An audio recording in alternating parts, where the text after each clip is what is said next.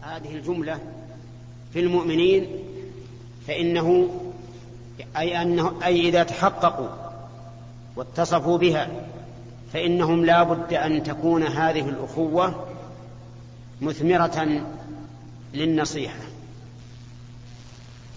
والواجب على المؤمنين أن يكونوا كما قال الله عز وجل أن يكونوا إخوة.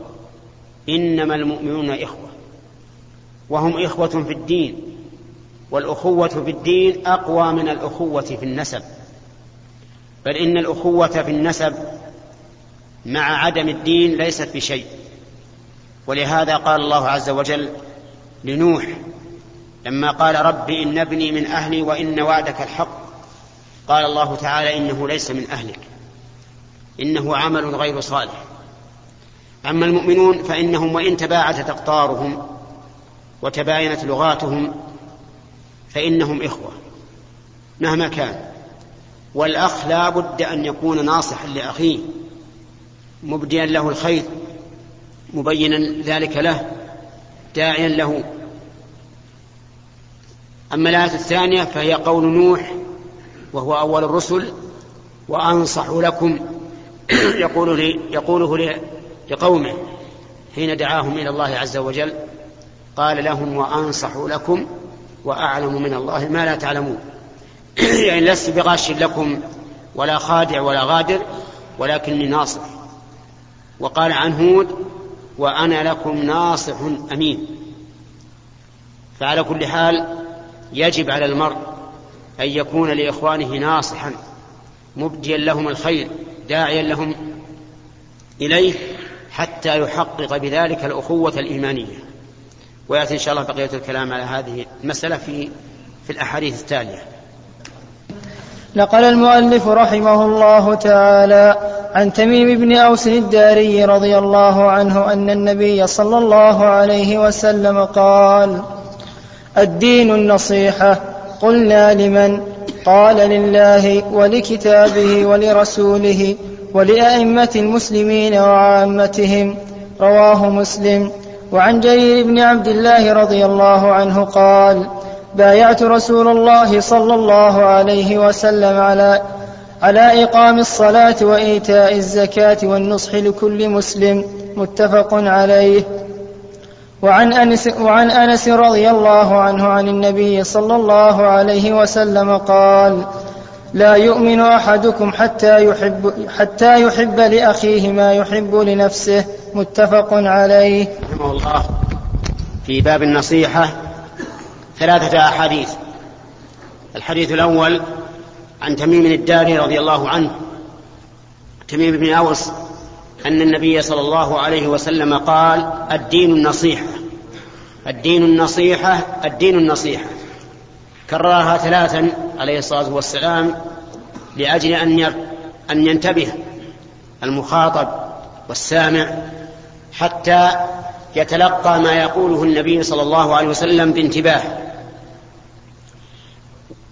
قلنا لمن يا رسول الله؟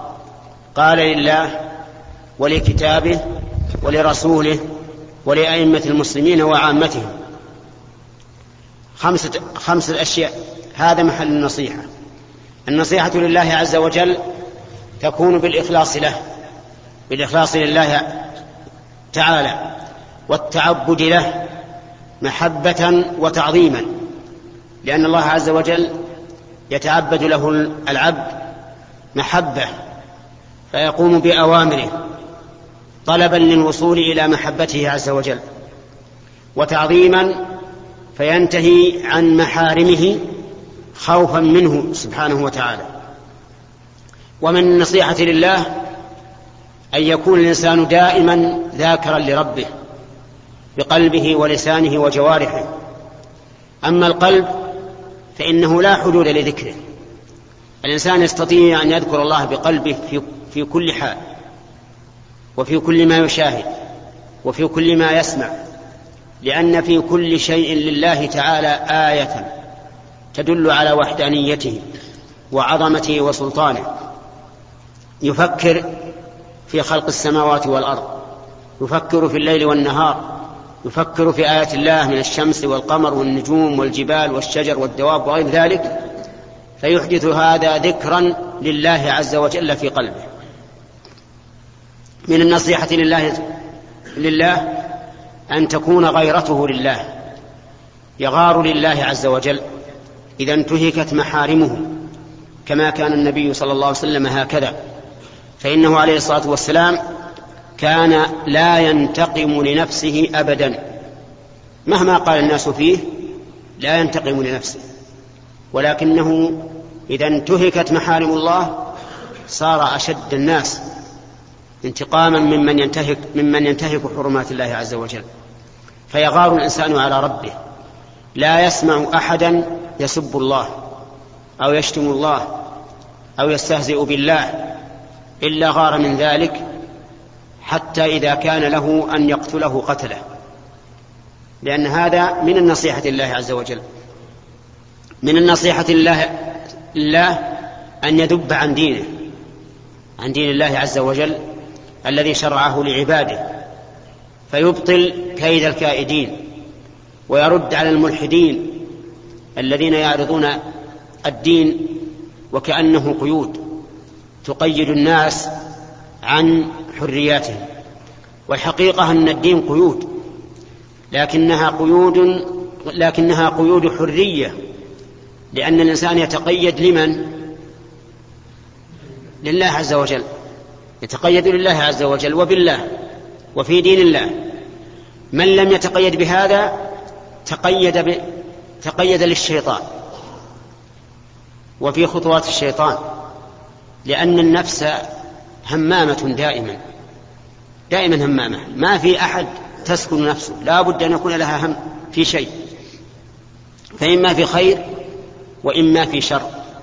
وما أحسن قول ابن القيم رحمه الله في النونية حيث قال هربوا من الرق الذي خلقوا له وبلوا برق النفس والشيطان. هربوا من الرق الذي خلقوا له. ما هو الرق الذي خلقنا له؟ عبادة الله. وما خلقت الجن والإنس إلا ليعبدون. لكن هربوا من هذا الرق الذي هو كمال الحرية وكمال السعادة إلى رق النفس والشيطان. والنفس الله نعوذ بالله من شرها النفس تسترقه الإنسان وتملي عليه الهوى فيكون خاضعا لهواه. وإذا غلب الهوى زال العقل. إذا غلب الهوى زال العقل. كما قال الشاعر سكران سكر هوى وسكر مدامة فمتى إفاقة من به سكران؟ يصف شخصا يشرب الخمر والعياذ بالله فيقول إنه فيه سكرين. يقول إن فيه سكرين سكر الهوى وسكر المدامة. فمتى إفاقة من به سكران؟ لا, لا يرجى له إفاقة. فالحاصل أن الإنسان يتعبد الله عز وجل لا للنفس ولا للشيطان حتى يتحرر من القيود التي تضره ولا تنفعه. من النصيحة لله, لله عز وجل أن يكون باثا دين الله في عباد الله. لأن هذا مقام الرسل. الرسل كلهم دعاة إلى الله يدعون الناس إلى الله عز وجل كما قال الله تعالى عنهم وما أرسلنا ولقد بعثنا في كل في كل أمة رسولا أن اعبدوا الله واجتنبوا الطاغوت فمنهم أي من الأمة من هدى الله ومنهم من حقت عليهم الضلالة. نسأل الله تعالى أن يهدينا وإياكم صراطه المستقيم. ويأتي إن شاء الله بقية الكلام عن الحديث.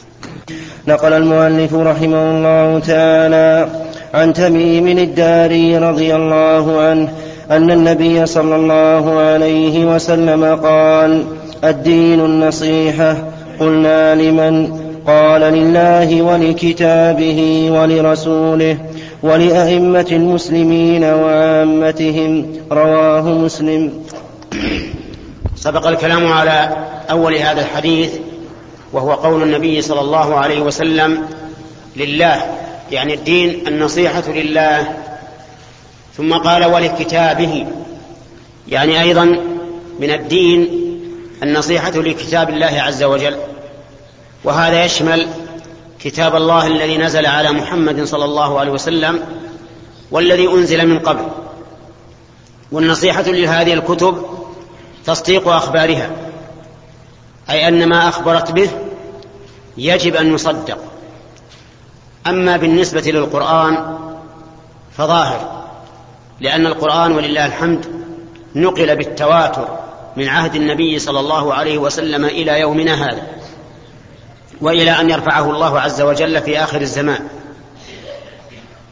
يقرأه الصغير عن الكبير.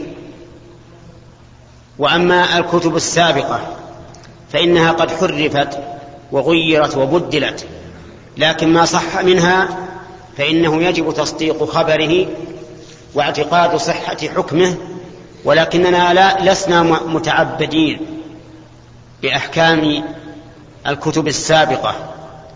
إلا بدليل من شرعنا.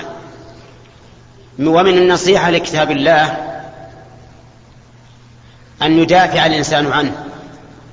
يدافع من حرفه تحريفا لفظيا أو تحريفا معنويا.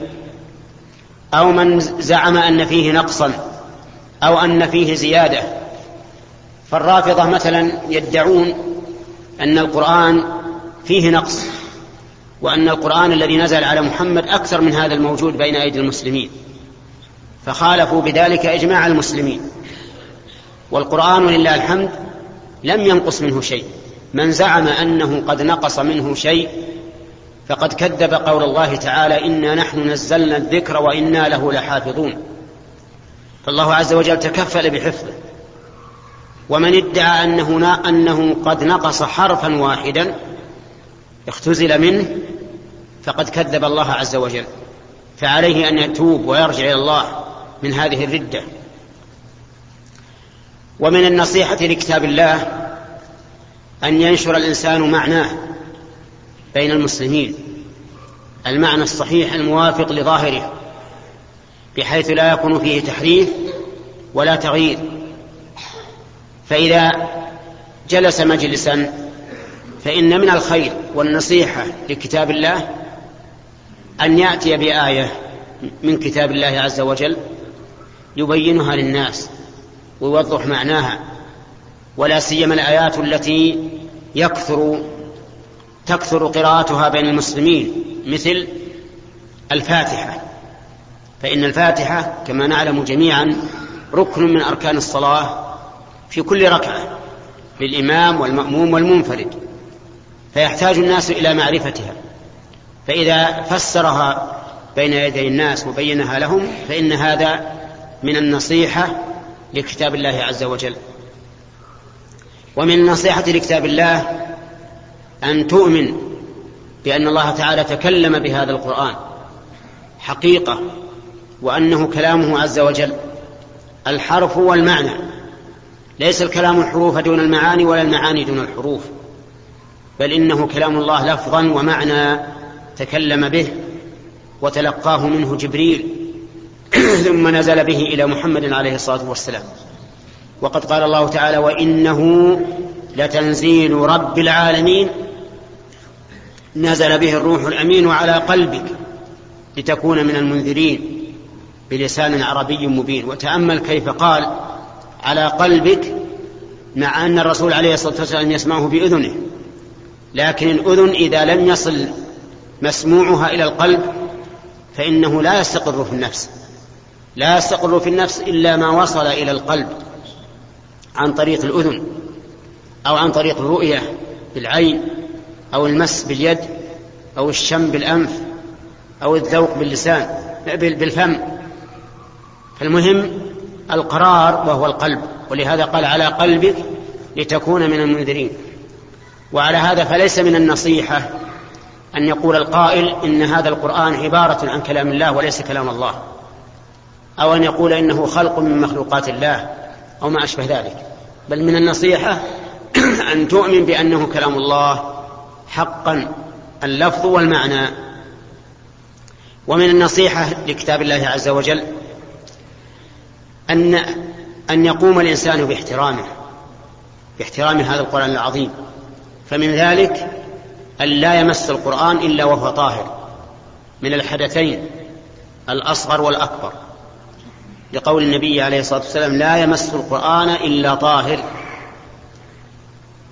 أو من وراء حائل. لأن من مسه من وراء حائل فإنه لم يمسه في الواقع. ومن و و وينبغي لا على سبيل الوجوب أن لا يقرأ القرآن ولو عن ظهر قلب إلا متطهرا لأن هذا من احترام القرآن. ومن النصيحة لكتاب الله عز وجل أن لا تضعه في موضع يمتهن فيه. يكون وضعه امتهانا. كمحل القاذورات وما أشبه ذلك. ولهذا يجب الحذر مما يصنعه بعض الصبيان إذا انتهوا من الدروس.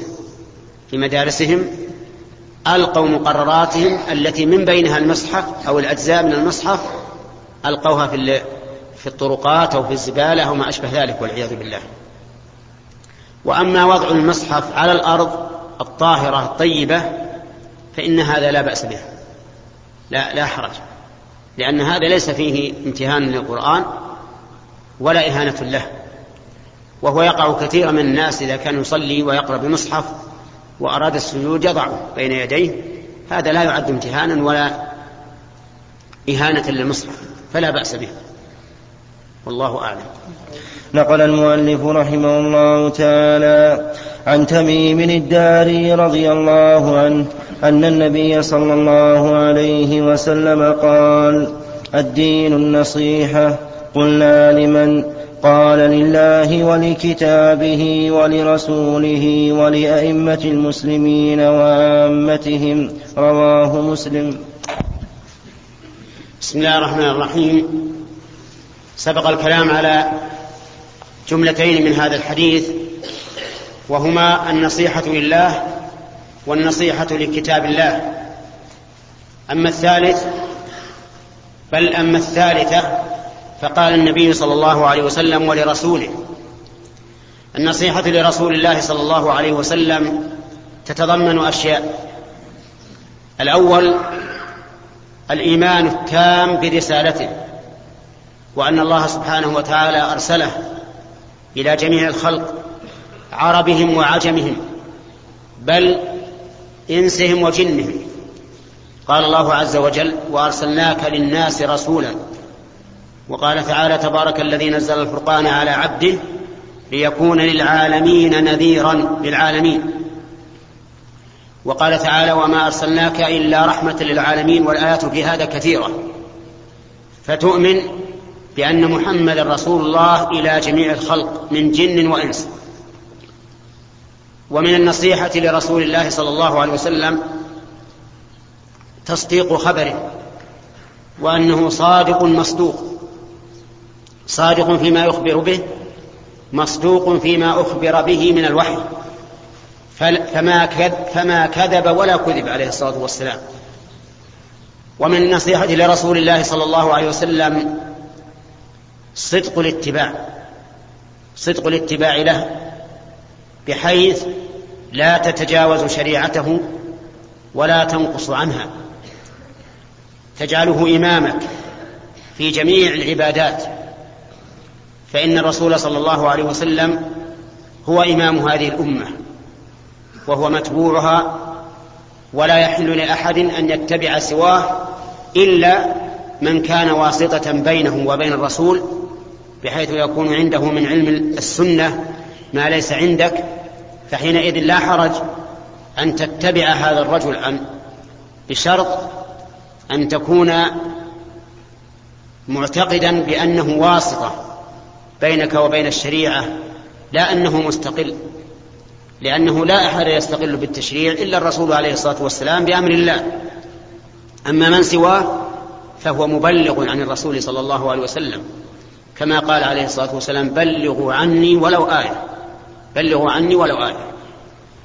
ومن النصيحة لرسول الله صلى الله عليه وسلم الذب عن شريعته وحمايتها. فالذب عنها بأن لا ينتقصها أحد. الذب عنها بأن لا يزيد فيها أحد ما ليس منها. فتحارب أهل البدع القولية والفعلية والعقدية لأن البدع كلها باب واحد كلها حقل واحد كلها ضلالة كما قال النبي عليه الصلاة والسلام كل بدعة ضلالة. لا يستثنى من هذا بدعة قولية ولا فعلية ولا عقدية. كل ما خالف هدي النبي عليه الصلاة والسلام وما جاء به في العقيدة أو في القول أو في العمل فهو بدعة فمن النصيحة للرسول عليه الصلاة والسلام أن تحارب أهل البدع بمثل ما يحاربون به السنة. إن حاربوا بالقول فبالقول وإن حاربوا بالفعل فبالفعل جزاء وفاقا لأن هذا من النصيحة لرسول الله صلى الله عليه وسلم. ومن النصيحة للنبي صلى الله عليه وسلم احترام أصحابه وتعظيمهم ومحبتهم لأن صحب الإنسان لا شك أنهم خاصته من الناس وأخص الناس به. ولهذا كان الصحابة رضي الله عنهم خير القرون لأنهم أصحاب رسول الله صلى الله عليه وسلم. فمن سب الصحابة أو أبغضهم أو لمزهم أو أشار إلى شيء جبهتهم فيه فإنه لم ينصح للرسول صلى الله عليه وسلم. وإن زعم أنه ناصح للرسول فهو كاذب. كيف تسب أصحاب الرسول عليه الصلاة والسلام وتبغضهم وأنت تحب الرسول وتنصح له؟ وقد جاء عن النبي عليه الصلاة والسلام المرء على دين خليله فلينظر أحدكم من يخالل. فإذا, فإذا كان أصحاب الرسول عليه الصلاة والسلام يسبهم الساب المفتري الكذاب فإنه في الحقيقة قد سب الرسول عليه الصلاة والسلام ولم ينصح له. بل هو في الحقيقة قدح في الشريعة. لأن حملة الشريعة إلينا هم الصحابة. فإذا كانوا أهلا للسب والقدح لم لم يوثق بالشريعة لأن نقلتها أهل ذم وقدح. بل إن سب الصحابة سب لله عز وجل. نسأل الله العافية. وقدح في حكمته أن يختار لنبيه صلى الله عليه وسلم ولحمل دينه من هم أهل للذم والقدح. إذا من النصيحة للرسول عليه الصلاة والسلام محبة أصحابه واحترامهم وتعظيمهم. فهذا هذا من الدين. فصار النصح للرسول عليه الصلاة, عليه الصلاة والسلام يتضمن هذه الأمور كلها. والله أعلم. نقل المؤلف رحمه الله تعالى عن تميم الداري رضي الله عنه أن النبي صلى الله عليه وسلم قال الدين النصيحة قلنا لمن قال لله ولكتابه ولرسوله ولأئمة المسلمين وعامتهم رواه مسلم. سبق الكلام على هذا الحديث العظيم الذي حصر النبي صلى الله عليه وسلم النصيحة فيه. سبق الكلام على النصيحة لله ولكتابه ولرسوله. الرابع قال ولأئمة المسلمين الأئمة جمع إمام. والمراد بالإمام من يقتدى به ويؤتمر بأمره وينقسم إلى قسمين إمامة في الدين وإمامة في في السلطة. الإمامة في الدين هي بيد العلماء. العلماء هم أئمة الدين الذين يقودون الناس بكتاب الله ويهدونهم إليه ويدلونهم على شريعته. قال الله تبارك وتعالى في دعاء عباد الرحمن ربنا هب لنا من أزواجنا وذرياتنا قرة أعين واجعلنا للمتقين إماما.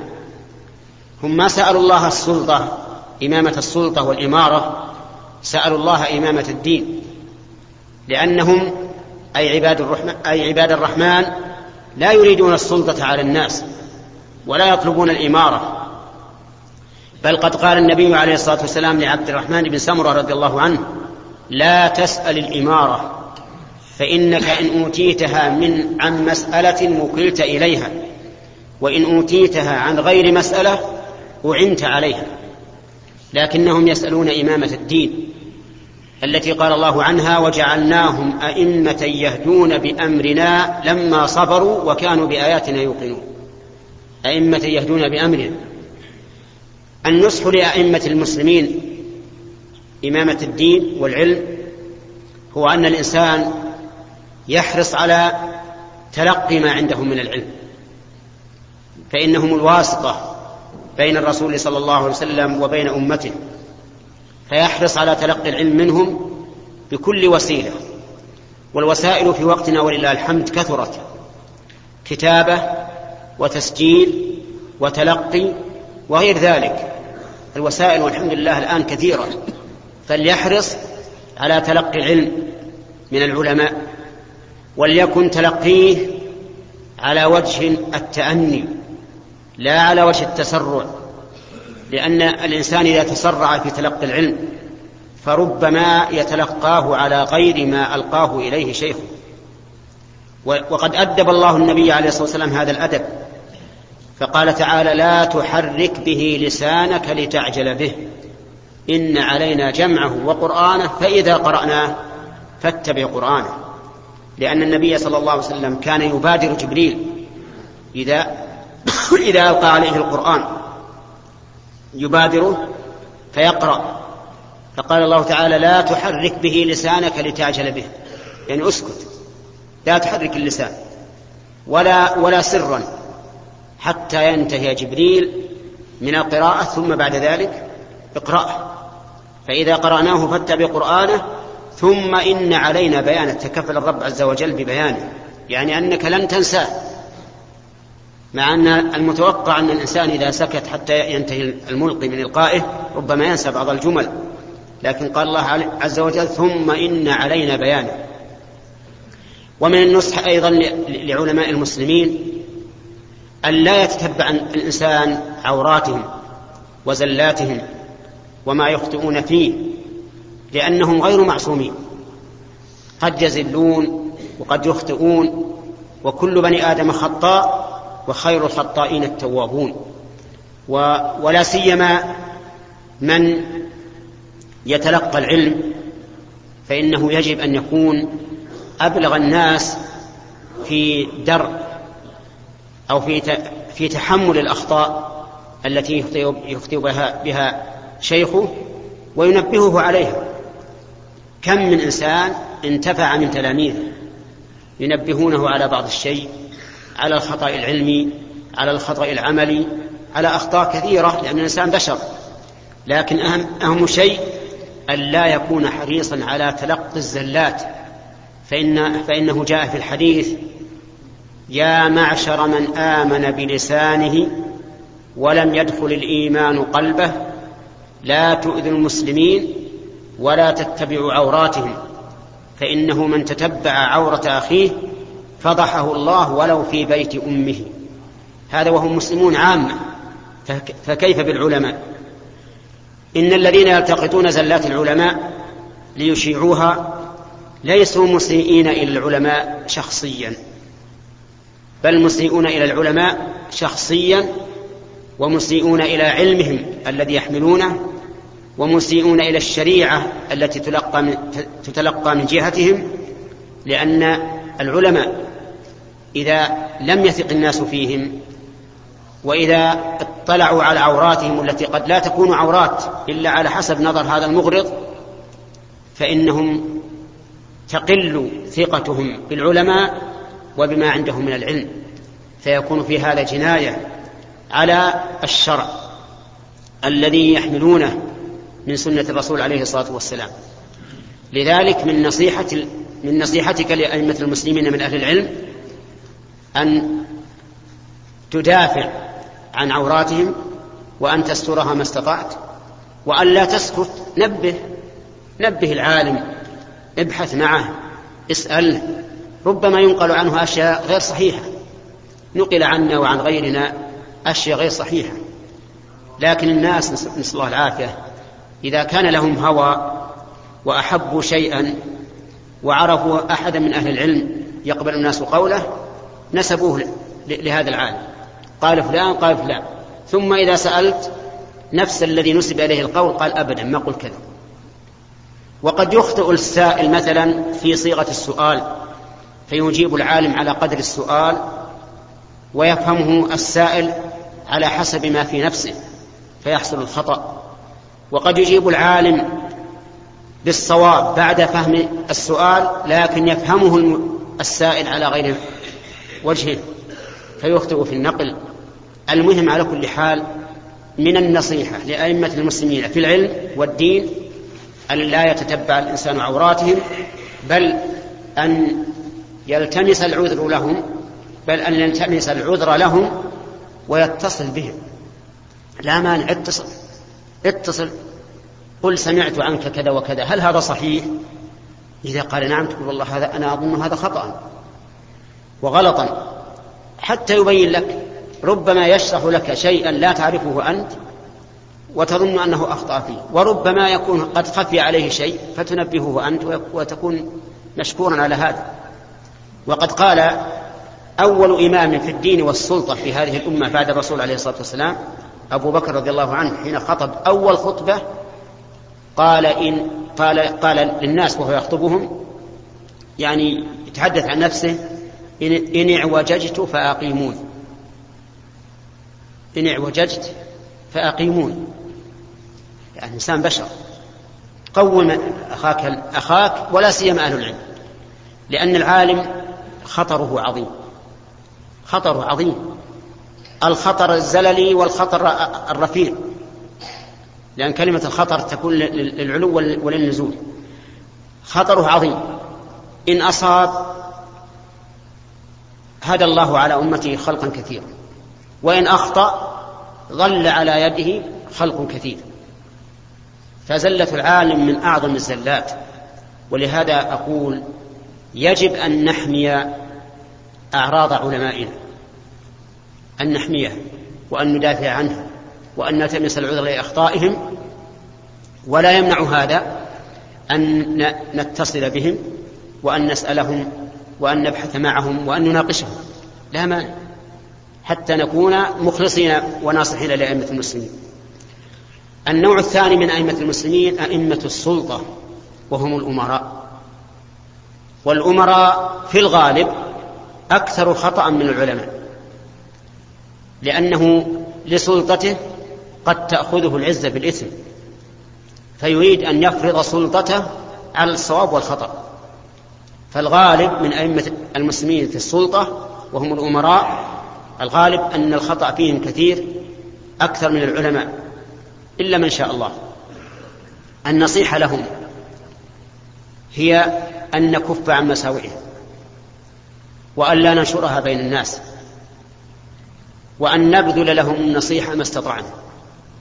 بالمباشرة إن كنا نستطيع أن نباشرهم أو بالكتابة إذا كنا لا نستطيع أو بصلة بالاتصال بمن يتصل بهم إذا كنا لا نستطيع ولا الكتابة. أحيانا ما لا يستطيع الإنسان ولا الكتابة. لو كتب لم تصل إلى المسؤول. فيتصل بأحد يتصل بالمسؤول وينبهه. هذا من المسلم أما النشر نشر مساوئهم. فليس فيه عدوان شخصي عليهم فقط بل هو عدوان شخصي عليهم وعلى الأمة جميعا. لأن الأمة إذا امتلأت صدورها من الحقد على ولاة أمورها عصت الولاة ونابذتهم وحينئذ تحصل الفوضى ويسود الخوف ويزول الأمن. فإذا بقيت هيبة ولاة الأمور في الصدور صار لهم هيبة وحميت أوامرهم ونظمهم التي لا تخالف الشريعة. فالمهم أن أئمة المسلمين تشمل النوعين أئمة الدين وهم العلماء وأئمة السلطان وهم الأمراء. وإن شئت فقل أئمة البيان وأئمة السلطان. أئمة البيان وهم العلماء الذين يبينون الناس وأئمة السلطان وهم الأمراء الذين ينفذون شريعة الله بقوة السلطان. ويأتي إن شاء الله بقية الكلام على هذا الحديث. نقل المؤلف رحمه الله تعالى عن تميم الداري رضي الله عنه أن النبي صلى الله عليه وسلم قال الدين النصيحة قلنا لمن؟ قال لله ولكتابه ولرسوله ولأئمة المسلمين وعامتهم. رواه مسلم. تقدم الكلام على أكثر هذا الحديث على قوله صلى الله عليه وسلم في بيان النصيحة لله ولكتابه ولرسوله ولأئمة المسلمين. وبينا أن أئمة المسلمين تشمل أئمة العلم والبيان وهم العلماء وأئمة القوة والسلطان وهم الأمراء. كلهم يجب علينا أن نناصحهم. وأن نحرص على بذل النصيحة لهم في الدفاع عنهم وستر معايبهم وعلى أن نكون معهم إذا أخطأوا ببيان ذلك الخطأ لهم بيننا وبينهم لأنه ربما نعتقد أن هذا العالم مخطئ أو أن هذا الأمير مخطئ وإذا ناقشناه تبين لنا أنه غير مخطئ. كما يقع هذا كثيرا. كذلك أيضا ربما تنقل لنا الأشياء عن العالم أو عن الأمير على غير وجهها. إما لسوء القصد من الناقل لأن بعض الناس والعياذ بالله يحب التشهير تشهير السوء بالعلماء وبالأمراء فيكون سيء القصد ينقل عليهم ما لم يقولون وينسب إليهم ما لا يفعلون. فلا بد إذا سمعنا عن عالم أو عن أمير ما نرى أنه خطأ لا بد من تمام النصيحة في تمام النصيحة من الاتصال به ومناقشته وبيان الأمر وتبينه حتى نكون على بصيرة. أما أما آخر الحديث فيقول وعامتهم يعني النصح لعامة المسلمين. وقدم الأئمة على العامة لأن الأئمة إذا صلحوا صلحت العامة. إذا صلح الأمراء صلحت العامة. إذا صلح العلماء صلحت العامة. ولذلك بدأ بهم. وليعلم أن أئمة المسلمين لا يراد بهم الأئمة الذين لهم الإمامة العظمى. ولكن يراد به ما هو أعم. فكل من له إمرة ولو في مدرسة فإنه يعتبر من أئمة المسلمين. إذا نوصح وصلح صلح من تحت صلح من تحت يده. النصيحة لعامة المسلمين أن تحب لهم ما تحب لنفسك وأن ترشدهم إلى الخير وأن تهديهم إلى الحق إذا ضلوا عنه. وأن تذكرهم به إذا نسوه وأن تجعلهم لك بمنزلة الأخوة لأن الرسول صلى الله عليه وسلم قال المسلم أخو المسلم. وقال المؤمن للمؤمن كالبنيان يشد بعضه بعضا. وقال مثل المؤمنين في توادهم وتراحمهم وتعاطفهم كمثل الجسد الواحد. إذا اشتكى منه عضو تداعى له سائر الجسد بالحمى والسهر. فأنت إذا أحسست بألم في أطرف شيء من أعضائك كان هذا الألم يسري على جميع البدن. كذلك ينبغي أن تكون للمسلمين هكذا. إذا اشتكى أحد من المسلمين فكأنما الأمر يرجع فكأنما الأمر يرجع إليك أنت. وليعلم أن النصيحة هي مخاطبة الإنسان سرا. بينك وبينه لأنك إذا نصحته سرا بينك وبينه أثرت في نفسه وعلم أنك ناصح. لكن إذا تكلمت أمام الناس عليه فإنه قد تأخذه العزة بالإثم فلا يقبل النصيحة. وقد يظن أنك إنما تريد الانتقام منه وتوبيخه وحط منزلته بين الناس فلا يقبل. لكن إذا كان سرا بينك وبينه صار لها ميزان كبير عنده وقيمة وقبل منك. والله المسؤول أن يوفقنا جميعا وإياكم لما يحب ويرضى. نقل المؤلف رحمه الله تعالى عن جرير بن عبد الله البجلي رضي الله عنه قال بايعت رسول الله صلى الله عليه وسلم على إقام الصلاة وإيتاء الزكاة والنصح لكل مسلم متفق عليه. وعن أنس بن مالك رضي الله عنه عن النبي صلى الله عليه وسلم قال لا يؤمن أحدكم حتى يحب لأخيه ما يحب لنفسه. متفق عليه. الرحمن الرحيم. قال رحمه الله تعالى فيما ذكره من الأحاديث في باب وجوب النصيحة عن جرير بن عبد الله البجلي رضي الله عنه قال بايعت النبي صلى الله عليه وسلم على إقام الصلاة وإيتاء الزكاة والنصح لكل مسلم. هذه ثلاثة أشياء حق محض لله وحق للآدمي محض وحق مشترك. أما الحق المحض لله فهو قوله إقام الصلاة. ومعنى إقام الصلاة أن يأتي بها الإنسان مستقيمة على الوجه المطلوب فيحافظ عليها في أوقاتها ويقوم بأركانها وواجباتها وشروطها ويتمم ذلك بمستحباتها. ومن هذا بالنسبة للرجال إقامة الصلاة في الجماعة في المساجد مع الجماعة فإن هذا من إقامة الصلاة. ومن تخلف عن الجماعة بلا عذر فهو آثم. بل هو عند بعض العلماء كشيخ الإسلام ابن تيمية رحمه الله إذا صلى بدون عذر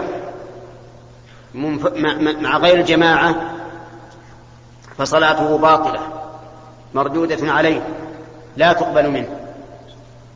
ولكن الجمهور وهو الصحيح أنها تصح مع الإثم. هذا هو الصحيح. أن من ترك صلاة الجماعة بلا عذر فصلاته صحيحة لكنه آثم. هذا هو القول الراجح وهو المشهور من مذهب الإمام أحمد وهو الذي عليه جمهور من قال وهو الذي عليه جمهور من قالوا بوجوب صلاة الجماعة. ومن إقامة الجماعة إقامة الصلاة الخشوع فيها. والخشوع حضور القلب وتأمله لما يقوله المصلي وما يفعله. وهو أمر مهم لأن الصلاة بلا خشوع كالجسد بلا روح. إذا صليت وقلبك يجول في كل وادي فإنك تصلي حركات بدنية فقط. فإذا كان قلبك حاضرا تشعر بأنك بين يدي الله عز وجل. تناجيه بكلامه وتتقرب إليه بذكره ودعائه فهذا هو لب الصلاة وروحها.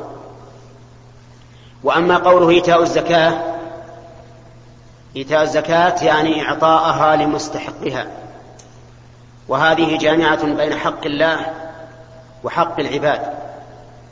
أما كونها حقا لله فلأن الله فرض على عباده الزكاة. وجعلها من أركان الإسلام.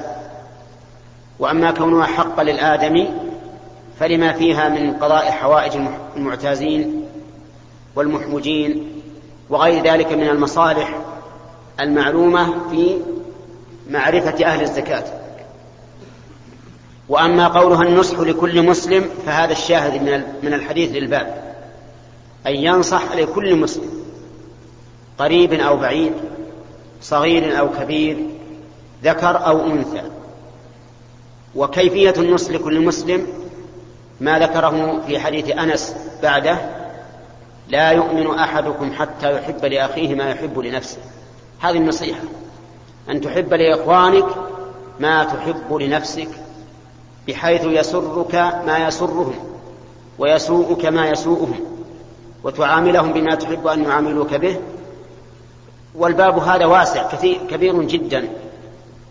فنفى النبي عليه الصلاة والسلام الإيمان عمن لم يحب لأخيه ما يحب لنفسه في كل شيء. ونفي الإيمان قال العلماء المراد به نفي الإيمان الكامل يعني لا يكمل إيمانك حتى تحب لأخيك ما تحب لنفسك. وليس المراد انتفاء الإيمان بالكلية.